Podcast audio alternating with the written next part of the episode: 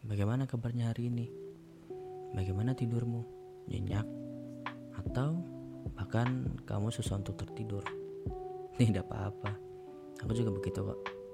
Terkadang semakin sunyi keadaan sekitar, semakin berisik pula isi kepala.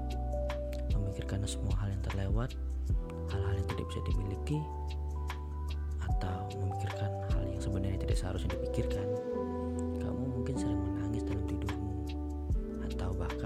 Sudah tak bisa menangis lagi. Tidak apa-apa. Ini semua salah satu perjalanan hidup menuju kedewasaan. Ya, kau benar. Menjadi dewasa tidak semenyenangkan yang kita kira. Memikul tanggung jawab sungguh menjadi hal yang sangat berat.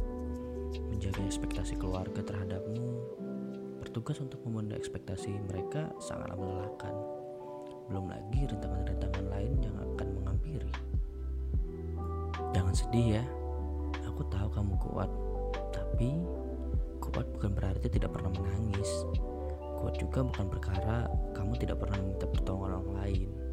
Ya, aku tahu meskipun orang lain bilang membantu orang akan membantu dirimu juga supaya merasa lebih bahagia. Namun tidak setiap saat kita akan selalu bisa membantu orang, bukan? Toh nyatanya kita hanyalah manusia yang sangat rentan.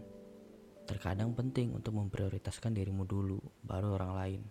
Bukan bermaksud untuk egois, tapi itu adalah cara untuk mempersiapkan dirimu supaya bisa membantu orang lain. Oh iya, aku dengar kamu suka mengeluh. Tidak apa-apa kalau sesekali mengeluh. Bagiku itu cara untuk menjaga pikiranmu agar tetap waras. Layaknya sebuah balon yang terus-menerus diisi oleh angin, lama-kelamaan akan semakin membesar dan akhirnya meledak apabila isinya tidak dapat dikeluarkan secara berkala. Semakin ke sini, rasanya hidup semakin susah ya. Semuanya terasa sangat sulit, apalagi jika kita masih mendengarkan apa kata orang. Di usia yang sudah memasuki kepala dua ini, banyak tuntutan yang dilayangkan kepada kita, yang terkadang membuat kita sendiri kesulitan untuk memenuhi tuntutan tersebut. Sudah berapa banyak mimpi yang kamu bunuh hanya untuk memenuhi tuntutan tersebut? Dan sudah berapa banyak waktu tidur yang kamu korbankan untuk memikirkan langkahmu ke depannya? Jangan tanya aku, karena rekaman ini tidak akan muncul jika aku sendiri tidak mengalaminya secara langsung. Oh ya, sedikit curhat. Aku seorang lulusan bimbingan konseling yang mana sebagai anak konseling sering dicap bisa menyelesaikan masalah psikologisnya sendiri.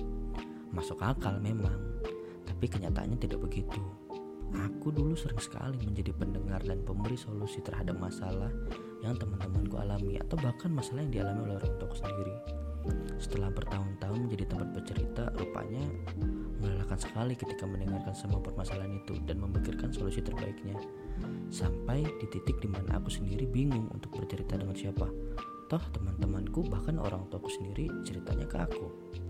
Seiring berjalannya waktu, aku lebih sering memendam masalahku sendiri untuk aku selesaikan sendiri juga pastinya.